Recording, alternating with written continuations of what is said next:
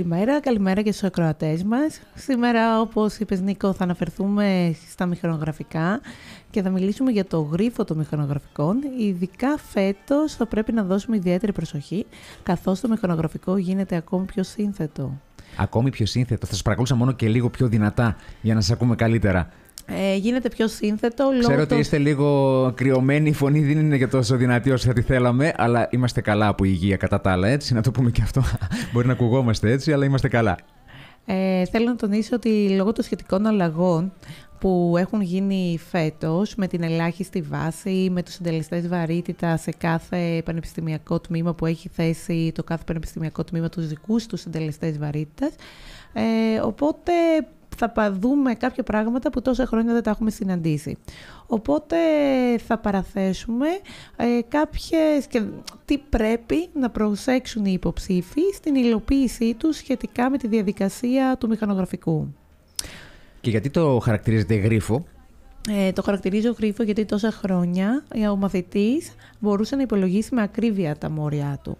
Τώρα με τους συντελεστές βαρύτητα σε κάθε πανεπιστημιακό τμήμα που έχει θέση ε, θα υπάρχουν διαφορετικά μόρια σε κάθε πανεπιστημιακό τμήμα. Οπότε δεν μπορούμε να υπολογίσουμε με ακρίβεια τα μόρια που έχουμε βγάλει. Μάλιστα.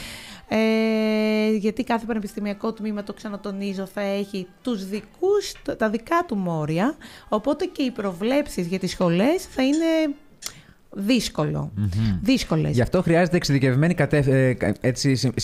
συμβουλές και κατευθύνσεις από ανθρώπους που ξέρουν. Γι' αυτό και σας καλέσαμε, κυρία Ζανταρμά, γιατί βλέπουμε ότι πολλά παιδιά μπορούν να κάνουν σφάλματα, να συμβουλεύονται κάποιους ανθρώπους που δεν γνωρίζουν, που έχουν την καλή πρόθεση να βοηθήσουν, αλλά να μην μπορούν να κατευθύνουν σωστά στην υποβολή του μηχανογραφικού. Τώρα τελευταία έχει αλλάξει το μηχανογραφικό. Οι σχολές, υπάρχουν σχολές που κρύβουν επαγγελματικά δικαιώματα που οι υποψήφοι δεν το γνωρίζουν και καλά είναι γι' αυτό να εμπιστεύονται έναν εξειδικευμένο, έναν σύμβουλο για να γίνεται σωστή καθοδήγηση. Γιατί πολλές φορές να, μπορεί να πιάνουμε τα μόρια ή να έχουμε, μια, να έχουμε καλά μόρια, αλλά να μην να ιεραρχήσουμε σωστά τις επιλογές μας και να οδηγηθούμε σε μία λάθος σχολή. Αυτό που παρατηρώ τα τελευταία χρόνια, πολλοί υποψήφοι συνηθίζουν να ιεραρχούν τις επιλογές τους με κριτήριο τις περσινές και προσπαθώντας να μαντέψουν πώς θα κινηθούν οι φετινές. Αυτό φυσικά αποτελεί μια εσφαλμένη τακτική, καθώς δεν είναι δυνατόν να προβλεθούν με ασφάλεια οι βάσεις και μάλιστα φέτος, λόγω του διαφορετικού τρόπου υπολογισμού στο μορίο, συγκριτικά με τις βάσεις των προηγούμενων ετών σε ένα τμήμα. Μάλιστα. Το επόμενο που... Άρα σφάλμα αυτό μέχρι να μας πείτε το επόμενο. Δεν πρέπει να κάνουμε τη σύγκριση με τα περσινά γιατί τα δεδομένα τα φετινά είναι τελείως διαφορετικά και οι συνθήκες με τις οποίες θα υποβάλουμε το μηχανογραφικό μας. Και έχει αλλάξει και η λογική πάνω στα πανεπιστημιακά τμήματα. Ναι. Πλέον θα εμφανιστούν καινούργια επαγγέλματα, επαγγέλματα τα οποία και εμείς οι ίδιοι δεν γνωριζουμε Οπότε μια σχολή πρέπει να έχει διεπιστημονικότητα, να καλύπτει ε, ένα εύρος μέσα από εκεί ο μαθητής να αποκτήσει γνώσεις και μετά με τη διαβίου εκμάθηση και με, με τα σεμινάρια και με τα μεταπτυχιακά ε, να μπορέσει να εκμεταλλευτεί τις ανάγκες της αγοράς εργασίας. Πολλές φορές οι υποψήφοι μιλάνε για μεταγραφές. Ναι. Ένα μεγάλο ποσοστό μαθητών ενδιαφέρονται να διεκδικήσουν μία μεταγραφή, μετακίνηση. Είναι μία πολύπλοκη διαδικασία η οποία γίνεται τον Οκτώβριο να τους τονίσουμε. Ωστόσο τώρα θα πρέπει να δώσουν έμφαση σε δεδομένα όπως είναι οι αντιστοιχίες μεταγραφών, γιατί υπάρχουν κάποια τμήματα όπως το τμήμα της ψυχολογία στη Φλόρινα που δεν έχει αντιστοιχεία με τις υπόλοιπες ψυχολογίες. Φλόρινα, είπατε, δεν λέω ψυχολογία, θα μας πει για τη δημότικο τώρα η κυρία Ζανταρμάν να εκπλαγούμε. Αλλά ακόμα όχι, δυστυχώς. Ε, ναι. Η ψυχολογία της Φλόρινας δίνει επαγγελματικά δικαιώματα ψυχολόγου, απλώς δεν μπορεί ένας υποψήφιος να πάρει μια μεταγραφή. Αυτά πρέπει να τα προσέξουν. Και αυτό που θέλω να τους τονίσω ότι κάποιο τμήμα για να πάρουμε μεταγραφή, το βασικότερο κριτήριο είναι ε, ότι πρέπει να απέχουμε από τμήμα σε τμήμα 2.750 μόρια. Το επόμενο κριτήριο που πρέπει στη μεταγραφή να προσέξουμε και να τους το πω, μπορεί κάποια σχολεία, εγώ τώρα λόγω ΕΒΕ, να μην μπορώ να δηλώσω ένα τμήμα. Όμως με τη μεταγραφή, αν απέχω μόνο 2.750 μόρια, μπορώ να πάω στη σχολή που θέλω και αφότου συμπληρώσω, συμπληρώνω και τα υπόλοιπα κριτήρια και τις υπόλοιπες προϋποθέσεις. Ε, όταν διαλέγουμε μία σχολή, πρέπει, πρέπει οι υποψήφοι να βλέπουν το πρόγραμμα Πρέπει να οροματίζονται, να βλέπουν τον εαυτό τους στο μέλλον, αν αυτή η σχολή τους ταιριάζει τι επαγγελματικά δικαιώματα δίνουν; Γιατί είναι ιδιαίτερα σημαντικό, πέρα από τα μαθήματα, να, να, γνωρίζουμε και τα επαγγελματικά δικαιώματα που δίνει κάθε πανεπιστημιακό τμήμα. Ναι, σωστά. Τώρα, αυτό το διάστημα μέχρι την Παρασκευή υπάρχει χρόνος για να μπορέσετε να κατευθύνετε σωστά οποιονδήποτε επιθυμεί, ε, για να το μελετήσετε σωστά το μηχανογραφικό και ανάλογα με τις ιδιαιτερότητες του κάθε υποψηφίου. Έτσι, αυτό που είπατε. Δηλαδή, ο καθένας πρέπει να δει τις δικές του κλήσεις, τα δικά του επαγγελματικά ενδιαφέροντα για το μέλλον. Τι του δίνει κάθε σχολή. Και το βασικότερο είναι το τι θέλει να κάνει ο ε, ίδιος, να μην επηρεάζεται από το οικογενειακό υπόβαθρο, από την οικογενειακή κατάσταση. Αν και πολλές φορές και το οικογενειακό εισόδημα μας επηρεάζει και οι οικογενειακοί αλλά να δει ακριβώς το τι θέλει. Σαν άμεση αποκατάσταση, οι μοναδικές σχολές που υπάρχουν αυτή τη στιγμή είναι ο στρατός, η αστυνομία, η πυροσβεστική. Άμεση αποκατάσταση επαγγελματική, μάλιστα, τα σώματα ασφαλείας. Μόνο τα σώματα ασφαλείας. Και αυτό να πάνε οι μαθητές συνειδητά υποψήφοι να το κάνουν.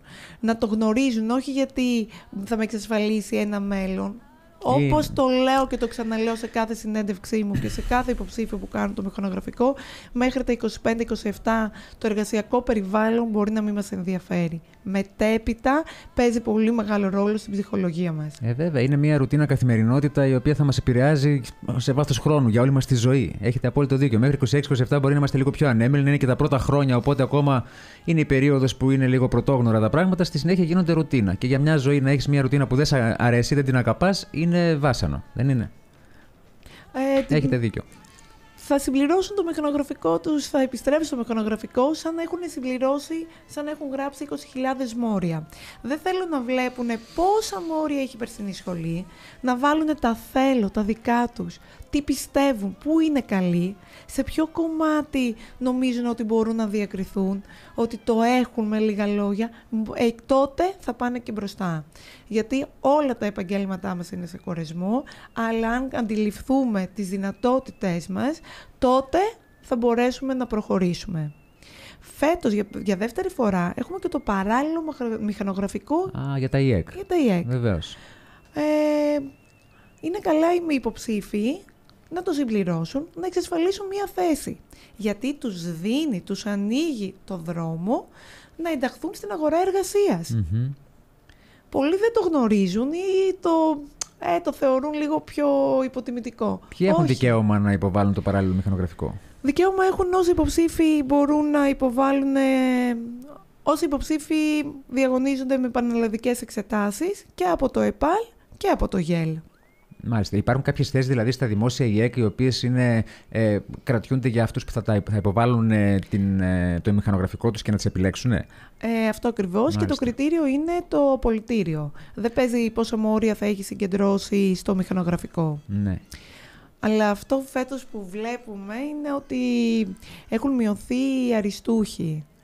Οι αριστούχοι γενικά από το 18 μέχρι το 20 παρατηρούμε ότι υπάρχει μία μείωση. Στο απολυτήριο Λυκειού λέτε έχουν μειωθεί οι αριστούχοι, ε, ε στου, στις πανελλαδικές. Α, στις πανελλαδικές, όσοι γράψαν άριστα. Ε, οι αριστούχοι φέτος είναι λίγοι. Ήταν δύσκολα κάποια μαθήματα, μαθηματικά, αρχαία, οπότε έχουν... Στην, τώρα που έχουν βγει και τα στατιστικά στοιχεία ναι. στον, στις ανθρωπιστικές σπουδές στο πρώτο επιστημονικό πεδίο, ναι, το ναι. μεγαλύτερο ποσοστό στην ιστορία δεν έχει γράψει, έχει γράψει κάτω από τη βάση. Σε ένα θεωρητικό μάθημα καθαρά δηλαδή. Καθαρά θεωρητικό μάθημα.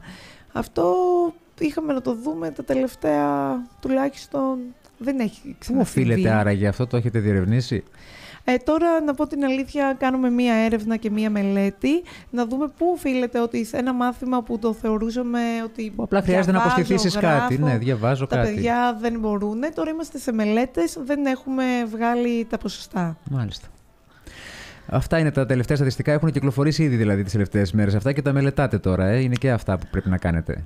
Έχουμε να μελετήσουμε λίγο το παιδιά για ποιο λόγο δεν έχουν γράψει σε ορισμένα Τι, τι φταίει.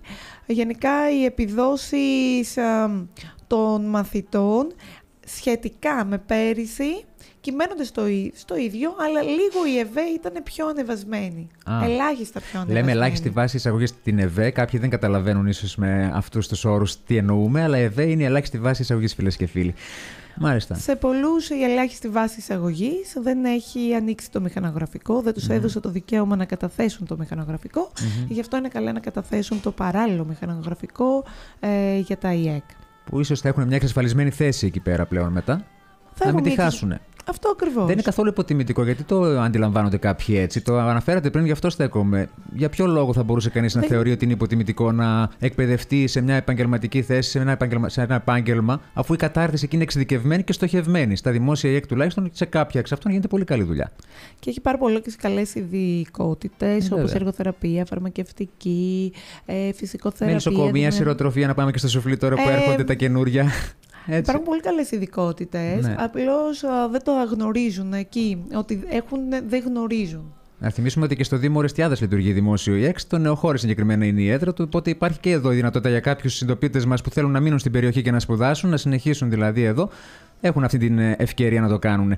Αν ρωτήσω και για τα τμήματά μας, στο Δημοκρατικό Πανεπιστήμιο Θράκης υπάρχει ενδιαφέρον από δικά μας παιδιά; Ε, μέχρι στιγμής που συμπληρώνουν το μηχανογραφικά, ναι. όλοι οι μαθητές το έχουν δηλώσει σαν επιλογή. Μπορεί να μην είναι πρώτης του επιλογή και είμαι πάρα πολύ χαρούμενη γιατί είναι ένα εξαιρετικό πανεπιστήμιο που είναι πέντε και με καλές κτηριακές δομές, με εξαιρετικούς καθηγητές και με και αξιολογήσεις που φέτος για τις αξιολογήσεις του ήταν οι καλύτερες.